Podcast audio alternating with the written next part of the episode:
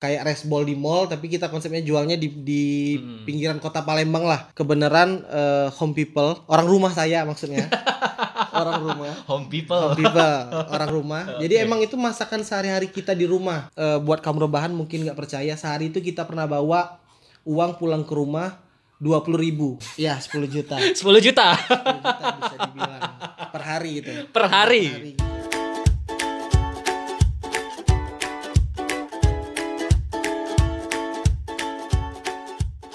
Oke, halo kaum kaum rebahan, kembali lagi di rekam obrolan ya. Kemarin di episode pertama kita sudah membahas tentang lika-liku tentang nikah muda.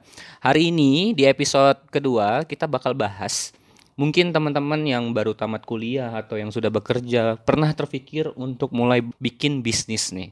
Nah, di episode kali ini saya akan membahas tentang bisnis rumahan yang ternyata bisa menghasilkan tung yang dibil bisa dibilang cukup besar, malahan besar ya. Nah, kali ini saya akan bakal ngobrol dengan salah satu teman saya. Uh, beliau ini terbilang memiliki bisnis rumahan yang mungkin teman-teman sudah ada yang tahu dan bisnisnya ini bisa dibilang juga uh, sudah sudah hits lah untuk di Palembang yaitu lidah kito. Nah buat teman-teman yang pernah makan lidah kito, hari ini kita bakal ngobrol langsung sama ownernya. Uh, langsung saja, mungkin awal ini kita kenalan dulu ya, kalau boleh gitu kan. boleh perkenalkan Mas, Pak atau siapa nih dipanggil deh? Oke, uh, perkenalkan uh, nama saya Yuza. Uh, selamat malam buat kaum rebahan Eh. Siap, siap, siap, siap, siap. Oke. Okay. Ya, uh, Mas Yuza atau Yuza aja atau Kak Yuza atau bebas Yuza bebas boleh. Ya. Jangan aja oh, om jangan salah paham. ya, jangan oh, om. Oke, mungkin Yuza aja ya biar kita lebih okay. akrab ya. Oke. Okay. Oke, Yuza kan saya dapat info nih ya kalau misal Yuza ini adalah salah satu owner uh, dari bisnis lidah kito ini. Nah, kalau boleh tahu nih mungkin ada beberapa orang yang belum tahu tentang bisnis lidah kito ini. Nah, coba boleh dong diceritain lidah lidah kito itu sebenarnya bisnis apa sih gitu? Uh, jadi lidah kito itu konsepnya itu pertama kali uh, kayak jualan di pinggiran kaki lima, tapi yang memang uh, pi, uh, kaki lima tapi yang memang berkonsep untuk anak-anak muda di Palembang yang pertama hmm. uh, konsepnya itu uh, rice ball bisa dibilang uh, kayak resbol di mall tapi kita konsepnya jualnya di di hmm. pinggiran kota Palembang lah. Hmm. Kemarin itu uh, awal mulanya itu di tahun 2015 atau 14 saya lupa uh, di Kamang Iwa. Iya di Kamang Iwa. Jadi memang konsepnya itu kayak hmm. nasi resbol di mall tapi kita jualnya di pinggiran untuk anak eh, anak-anak yang malas ke mall mungkin yang uh, di Kamang Iwa itu kan cukup ramai juga orang. Hmm. Jadi emang uh, pasarnya tuh yang orang buat jogging sore atau juga ada yang pacaran sore jadi malas nge-mall makanya di situ gitu. Oh, jadi ini uh, bisnis kuliner ini adalah ternyata rice ball. Uh, kalau boleh tahu ini rice ball ini isinya ada apa aja sih, Yuza? Uh, kalau dari awal itu menunya ada tiga. Mm-hmm. Uh, yang favorit yang terhits di Palembang sampai sekarang itu uh, ayam suwir cabai hijau, mm-hmm. sapi lada hitam, sama sambal terong ikan asin. Itu menu yang pertama kita dijual. Pertama mm-hmm. kali uh, yang kita jual itu tiga menu itu. Oh, jadi ada tiga menu untuk varian si rice bowl ini ya. Iya. Jadi ada cabai hijau tadi apa? Ayam suwir cabai hijau. Sa uh, ayam suwir cabai hijau, kemudian sapi lada hitam. Sapi lada hitam. Sama sambal terong ikan asin. Sambal itu terong ikan kali. asin. Itu pertama kali, pertama kali menu yang keluar pada saat ya, itu ya. Benar. Nah, uh, kok bisa terpikir untuk jualan rice bowl di antara banyaknya makanan di muka bumi? Kenapa terpikirnya itu jualan rice ball gitu loh? Uh, pertama itu yang punya ide itu uh, kebenaran uh, home people, orang rumah saya maksudnya. orang rumah. Home people. Home people, orang rumah. okay. Jadi emang itu masakan sehari-hari kita di rumah. Hmm. Uh, pertama itu ya kayak sapi lada hitam mungkin sudah familiar lah. Sambal terong ikan asin juga. Hmm. Ayam suwir dibalut dengan cabai hijau yang memang konsepnya pedas. Hmm. Makanya sesuai dengan nama lidah kito. Jadi emang konsepnya Palembang pedas uh, jadi memang asalnya itu memang makanan rumahan emang menu sehari-hari. Jadi hmm, ada temen juga okay. yang pertama kali jualan itu uh, jual minuman di Kamang Iwa. Jadi kita main kita support lah untuk usaha dia. Terus dia nyaranin eh jual aja. Kayak lidah apa M Swirnya itu dijual aja. Jadi bla bla bla bla dia bilang panjang cerita. Akhirnya kita coba jual di Kambang pertama kali itu. Tahun 2014 atau 15 saya lupa itu Oh, jadi terpikirnya tadi itu karena ini adalah masakan rumahan ya tadi ya dan mungkin semua orang tuh bikin. iya Jadi harapannya ini bisa mudah diterima oleh banyak orang gitu kan. Ah, jadi kan tadi eh, Yuza bilang jualannya di Kambang Iwa nih, memulai bisnisnya itu di Kambang Iwa. Eh, kalau boleh tahu itu eh apa namanya modal, kemudian apa aja sih yang dipersiapkan pada saat itu awal mulanya dan gimana sih memperkenalkan rice bowl ini? Kan jadi kita yang namanya bisnis kan orang kan belum tahu tuh kita jualan apa pada saat itu. Nah, untuk tips Yuza pada saat itu eh, bersama home people-nya tadi memperluas jaringan pasarnya itu gimana gitu loh awalnya? awalnya itu eh untuk memperluas itu kita tuh pokoknya kalau dari awal cerita itu yang namanya usaha tuh nggak pernah langsung naik pasti eh, ada proses lah nikmatin prosesnya. Itu pertama-tama tuh yang memang eh, sehari itu dapat cuman dua puluh ribu di Kabang tuh dulu yang memang belum belum sampai kayak sekarang lah. Kalau kayak sekarang alhamdulillah emang udah udah bisa dibilang udah berkembang lah dari dulu. Eh, jadi memang awalnya itu yang memang memperkenalkan itu yang kita lebih ke endorse lah bisa dibilang ke endorse ke selebgram selebgram lah selebgram Palembang. Terus juga kita ikut event-event kayak di mall di sekolah-sekolah yang notabene anak sekolah zaman sekarang uang jajannya yang lebih dari 20.000 ribu ke atas. Jadi memang konsepnya masuk buat anak-anak sekolah juga kan. Oke eh, jadi mungkin tadi lebih ini ya. Jadi lewat event mungkin ada event-event tertentu Yuza ikut di situ ya bersama istri. Dan juga tadi lewat ini juga ya apa namanya tadi eh selebgram selebgram mungkin Yuza dan istri tadi punya channel ke situ dan dimanfaatkan ya. Itulah gunanya relasi teman-teman ya. Jadi jaga silaturahmi. Jadi jangan setelah putus anda misalnya putus relasi anda jangan sombong. Karena masih butuh bersama teman. Mati tidak ada yang nguburin nanti ya. Oke Yuza, tadi kan cerita awalnya nge-brandingnya seperti itu. Nah, yang pengen kita tahu juga nih, itu modalnya berapa pada saat itu? Awalnya tuh uang yang harus dipersiapkan dan apa aja persiapan awalnya itu beli-beli apa aja? Boleh diceritain nggak? kalau persiapan awal itu kalau untuk modal eh, karena kita konsepnya jual kaki lima lah bisa dibilang eh, untuk menengah ke bawah lah. Ter- jadi konsepnya itu kalau untuk uangnya yang modal awal itu kalau untuk eh, barang-barang kayak meja dan lain-lain itu under satu juta lah. Hmm. awalnya itu ya under satu juta dari awal under satu juta. Dulu yang belum belum ada booth belum ada booth yang cuman meja satu eh under satu juta. Tapi lama kelamaan kita buat booth. Kayak booth itu kemarin modalnya hampir 3 jutaan. Hmm, booth itu hampir 3 jutaan. Kalau untuk masakan sendiri kalau perharinya modalnya itu kurang lebih 300 sampai 500 lah untuk tiga menu awal itu. Karena kita beli bowl kan. Hmm. beli bowl beli sendok jadi emang eh, nggak sampai jutaan lah kalau untuk awal Oke, jadi waktu awal itu mungkin under satu jutaan dan untuk eh, kalau bikin makanannya itu mungkin modalnya di angka 500 ribuan ya waktu itu ya. Nah kalau boleh tahu Yuza pada saat itu awalnya itu produksi pertama itu berapa piece sih, berapa piece yang dijual? kalau untuk produksi awal eh, yang dijual itu paling dari tiga menu itu kurang lebih 50 ke bawah lah. 50 lah kita buletin 50 untuk tiga menu. 50 bol itu juga eh, nggak selalu habis awal-awal tuh. Pasti ke rumah tuh ada sisa buat dimakan sendiri. Dari awal tuh emang nggak nggak langsung habis nggak yang kayak notabene kayak yang di mall-mall ketika buka orang ngantri itu kan nggak mungkin kan kalau kita namanya usaha ke bawah bukan yang ada label gede atau apa. Jadi memang dari awal itu emang banyak susahnya kalau cerita dari 2014-15 itu banyak susahnya. Oke, kalau boleh tahu Yuza ini kan ah ini teman-teman ya kadang buka bisnis mindsetnya itu langsung sukses. Makanya terkadang itu ada beberapa teman-teman ya, ya yang buka bisnis gagal sekali udah aku nyerah aja. Ya gitu. Ada beberapa orang tidak semua gitu kan. Ada beberapa orang. Eh, karena mungkin saya juga pribadi seperti itu. Kalau gagal ya sudahlah tutup. Karena saya belum punya mental seorang pembisnis ya. Nah eh, Yusa kalau boleh tahu ya ini mungkin buat motivasi juga buat teman-teman ya rekam apa kaum kaum rebahan di rumah. Eh, boleh tahu nggak cerita paling pahit waktu menjalankan bisnis ini?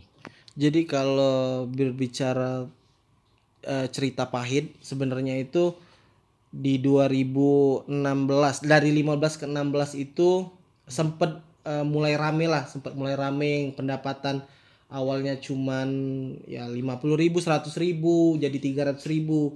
Turun lagi sehari pernah eh, buat kamu rebahan mungkin nggak percaya. Sehari itu kita pernah bawa uang pulang ke rumah 20.000 ribu sedangkan bensin mobil sehari itu bisa 50.000 ribu sampai 100 ribu. Jadi minusnya itu banyak banget. Tapi ya memang eh, kita itu harus menikmati proses. Karena nggak mungkin proses itu dari manis ke pahit pasti pahit lu jadi manis gitu. Jadi memang harus menikmatin proses lah apalagi untuk namanya usaha. Gitu. Jadi tadi sehari cuman ngantongin duit dua ribu, sedangkan bensin mobil seratus ribu ya. Jadi jangan-jangan itu biar tukang ojek pun belum cukup ya untuk pulang ke rumah. Jadi itu salah satu cerita paling pahitnya ya kaum kaum rebahan. Jadi tidak ada bisnis tuh yang mudah dan langsung sukses seperti itu ya. Nah, Yuza tadi kan eh, cerita pahitnya seperti itu. Awal mula bisnis ini bisa berjalan pun seperti itu. Nah, kalau boleh tahu kan eh, kata Yuza tadi dari pahit ke manis. Nah, saya saya dengar nih bisnis ini eh, sekarang udah pelan-pelan membesar ya. Nah, itu awal mulanya kok bisa membesar? Tadi yang awalnya cuma laku satu dan cuma laku beberapa piece gitu, cuma ngantongin duit dua ribu, tiba-tiba bisa membesar bisnis ini. Nah, itu awal mulanya gimana itu? Jadi awal mulanya mulai eh, merasakan manis lah, manisnya dari bisnis itu di 2018 2017 akhir sampai 2018 sampai sekarang lah. Jadi eh kebenaran sempat vakum dari 2017 ke 18 karena istri hamil. Jadi emang pure nggak fokus ke bisnis. Di situ mulai semenjak eh, kita gabung ke penjualan online karena di Palembang sendiri bisa dibilang eh, orangnya sudah banyak yang mager satu mager jadi mau beli tuh mau datang ke rumah makan juga udah males kan. Jadi sekarang kita mainnya via online. Beruntung di Palembang ini udah masuk eh, dua transportasi online tadi. Jadi kebantunya dari situ. Dari situ Awal mulai mulanya. berkembang berkembang ya awal mulanya. Yang dari pertama itu 20.000 ribu 300 ribu pokoknya masih di nilai ratusan ribu lah. Kalau sekarang udah sampai nggak apa-apa dibilang. Oh, boleh. per hari itu bisa sampai 10.000 ribu. Sepuluh ribu k. K. iya per hari. 10 juta dong. Iya 10 juta. 10 juta? 10 juta bisa dibilang. Per hari gitu. Per hari. per hari gitu. Waduh, jadi ya teman-teman ya yang suka memandang sebelah mata ojek online ataupun sejenisnya jangan loh. Itu membantu pembisnis loh teman-teman ya. Sangat membantu sekali. membantu. jadi tugas abang-abang ojol itu sungguh mulia sekali. Dan terutama eh, orang-orang yang menciptakan eh, transportasi online ini sungguh mulia karena banyak orang yang merasa terbantu di sini kan Tadi cuma laku 20 ribu, sekarang per hari 10 juta. Kalau 30 hari 30 juta dong. Eh, lebih dong. 300 ya kali ya.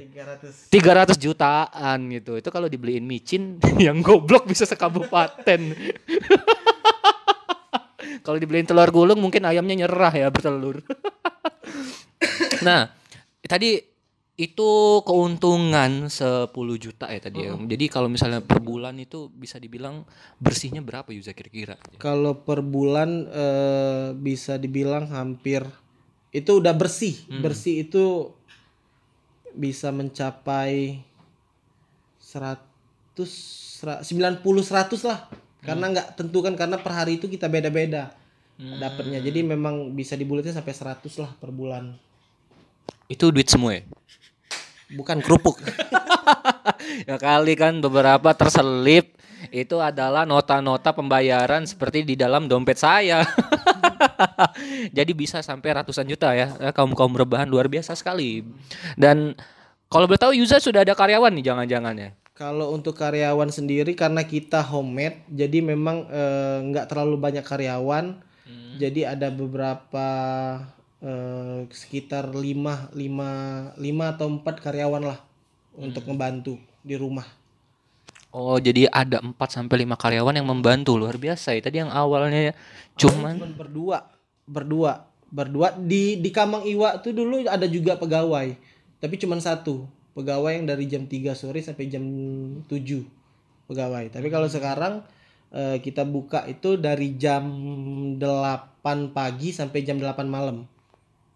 Jadi dari jam 8 pagi sampai jam 8 malam. jam 8 malam gitu loh dan sudah ada empat karyawan tadi. Iya, kalau yang di Kamang itu karyawannya cuman khusus jaga. Jadi cuman jaga ngelayanin lah, ngelayanin buat pembeli kalau dulu eh, kita sendiri yang potong cabe, yang potong ayam, yang masak. Kalau sekarang ada bagiannya masing-masing, yang buat motong, yang buat masak, yang buat ngelayanin, yang buat wadahin udah ada orangnya sendiri. Sungguh luar biasa. Jadi eh, ada spesialisnya tersendiri ya di karyawannya itu. Dan apalagi sekarang eh, Yuza juga masih kerja ya, masih kerja. Jadi ini menjadi apa namanya itu eh, penghasilan tambahan di luar pekerjaan ya. Jadi bisa mempersiapkan untuk masa depan anak ya teman-teman. ya kaum kaum rebahan ya mungkin anda termotivasi mulailah bisnis. Tapi harus ingat mulai pasti ada pahitnya dulu. Jadi Yuza tadi eh, sudah menjelaskan ya, menceritakan bagaimana bisnis ini bisa mulai berjalan, pahitnya dan ma- bagaimana bisnis ini mulai bisa naik up dan mendapatkan penghasilan sampai ratusan juta. Nah, Yuza, nanti kan eh, mungkin kaum-kaum rebahan ini bisnis bisnisnya nanti bohong segala macam. Nah, Yuza kalau boleh tahu nih ya, kalau pengen dapat produk eh, lidah kita, kalau beli off offline-nya itu di mana? Kalau online-nya di mana? Eh, kalau beli offline itu kita sekarang masih di rumah di Jalan Es Parman, eh, Komplek Perumahan Puri Sejahtera 6, Sukawinatan di belakang Balai Diklat Keuangan. Eh, kalau untuk online-nya kita bisa via Grab atau Gojek, cari aja Lidah Kito Sukawinatan, pasti ada. Hmm, jadi di situ ya teman-temannya. Kalau boleh tahu, kalau mau kepo nih, kepo, mungkin mau kepo-kepo dulu dengan produknya itu di mana itu? Instagramnya boleh di @lidahkito. At lidah gitu ya teman-teman silakan langsung cek Instagramnya. Ini kalau yang terkhusus teman-teman yang di Palembang besok langsung cobain. Tunggu apa lagi ya kaum kaum rebahan ya. Apalagi ini cocok oh, cocok sekali buat kaum kaum rebahan. Males keluar, mager, langsung pesen. Kerja via online. via online makanan datang. Jadi anda tidak perlu bangun bisa makan di tempat tidur. Jadi ya seperti itu Yuza ya. Eh, ada kepikiran untuk mengembangkan bisnis ini menjadi lebih besar atau mungkin buka cabang? Eh, untuk sekarang kemungkinan eh, bakal dikembangin buka cabang. Tapi untuk tempatnya itu kita masih cari ta masih cari tahu dulu yang memang potensial banyak peminatnya. Jadi masih di analis dulu lah di mana tempat yang bagus buat buka cabang. Hmm, jadi masih tahap on proses ya. Tapi sudah ada planning nih buka buat buka cabang baru ya. Eh, kita doain semoga cabangnya cepat berdiri ya. Biar semua orang bisa ngerasain lidah kita ini tadi. Oke Yuza Oke, tadi cerita sebenarnya panjang kalau mau diceritain ini kan panjang sekali, tapi karena kita durasi ya kaum kaum rebahan, jadi kita agak rangkum. Nah, Yuza, eh, mungkin di luar sana ada teman-teman yang hari ini mau pengen mulai bisnis. Nah, pesan dan eh, pesan lah tips buat eh, dari Yuza untuk memulai bisnis itu kesiapannya apa aja dan pesan apa aja sih buat teman-teman yang pengen mulai bisnis? Yang pertama itu kalau mau mulai bisnis, yang pertama itu niat dan yakin. Niat sama yakin itu dulu. Kalau kalian punya modal tapi kalian nggak ada niat sama keyakinan nggak bakal pernah jalan. Niat, yakin, terus juga eh, kerja keras, terus juga eh, harus profesional, eh, terus juga good relationship karena bisnis itu bisa berkembang kalau kita banyak temen dari eh, kalau kata orang Palembang tuh dari mulut ke mulut. Oke. bisnis itu bakal berkembang dari mulut ke mulut terus juga cara kita marketing kita lah pemasaran kita bi- eh, bisa dibilang via sekarang udah banyak media kan udah bisa dari snapgram dari instagram lah bisa dibilang dari instagram dari teman-teman juga terus juga sama optimis. Optimis. optimis. Optimis untuk maju. Oke, benar. optimis untuk maju dan juga eh, open minded lah untuk terbuka pikirannya bertanya dengan yang lebih duluan atau lebih senior lah. Tukar pikiran lah bisa tukar pikiran ke kayak misalkan ada contohnya Hmm. ada resto yang lebih maju atau suatu bisnis yang lebih maju nggak apa-apa tukar pikiran aja sama mereka. Jadi kan banyak relationship itu banyak juga pikiran banyak juga masukan buat bisnis kita. Gitu. Hmm, Jadi ya teman-teman itu tadi pesan untuk dari Yuza buat kaum kaum rebahan ya. Jadi kalau pengen mulai bisnis itu tadi marketing, kemudian eh, pertemanan, kemudian jangan malu belajar dan tadi tekad optimis niat itu kan. Nah tadi Yuza bilang eh, kita bahas sedikit tentang profesionalitas. Nah pernah nggak sih Yuza mungkin ini eh, ini mungkin cerita ya mungkin salah satu teman saya pernah cerita itu bisnisnya pernah gagal gara-gara eh, terlalu percaya sama teman sendiri dan keluarga. Dan alhasil mere- ternyata eh, dia ini pernah ditipu dan pernah ada asas tidak enak ya. Karena kan sama teman sama keluarga tadi kan. Jadi alhasil dia gagal dalam berbisnis. Tapi hari ini bisnisnya eh, berjalan lagi lah. Nah menurut pandangan Yuza ini antara bisnis pertemanan dan keluarga itu harus dipisahkan atau eh, hal ini berjalan eh, berjalan bersama gitu Kalau menurut saya sih kalau untuk eh, hubungannya bisnis itu pasti hubungan dengan uang kan. Yang namanya uang itu baik itu untuk keluarga sama temen pasti harus dipisah lah, nggak bisa digabungin karena eh, pemi- setiap orang tuh pemikirannya beda-beda. Jadi kalau kita ada suatu wadah banyak masukan, ha- alhasil nanti bakal apa maksudnya lain lain lain lah. Si A pengennya gini si B pengen gini nggak bakal pernah klop. Usaha itu bakal stuck di situ nggak bakal berkembang. jadi memang eh, kalau menurut saya sih memang harus dipisahkan yang namanya profesional dengan keluarga dengan teman dengan siapa pun lah. Jadi memang harus dipisah. Kalau memang banyak azas ketidakenakan itu susah buat berkembang Oke, jadi ya ya kaum kaum rebahan jadi menurut Yuza itu semuanya harus dipisah gitu loh. Dan saya juga sepakat sebenarnya kalau memang kalian menganggap eh, teman-teman yang membuka bis membuka bisnis itu adalah teman kalian seharusnya kalian support dong gitu kan. Mak- bukan malah kalian seolah-olah minta diskon lah, minta dimurahin lah, mencari kesempatan dalam kesempitan. Seharusnya kalian dukung gitu loh kan. Oke Yuza mungkin itu aja ya. Mungkin nanti next time kita bakal bahas lebih lanjut karena ini durasi ya eh, kaum kaum rebahan ya. Eh, terima kasih buat waktunya dan buat beberapa jawabannya tadi. Ya semoga ini menjadi motivasi buat kaum kaum rebahan dan harapannya ke depannya kaum kaum rebahan ada yang buka bisnis. Jangan lupa undang saya ya. Nanti saya mampir ya jadi bisa nyobain bisnisnya kaum kaum rebahan. Oke terima kasih dan selamat malam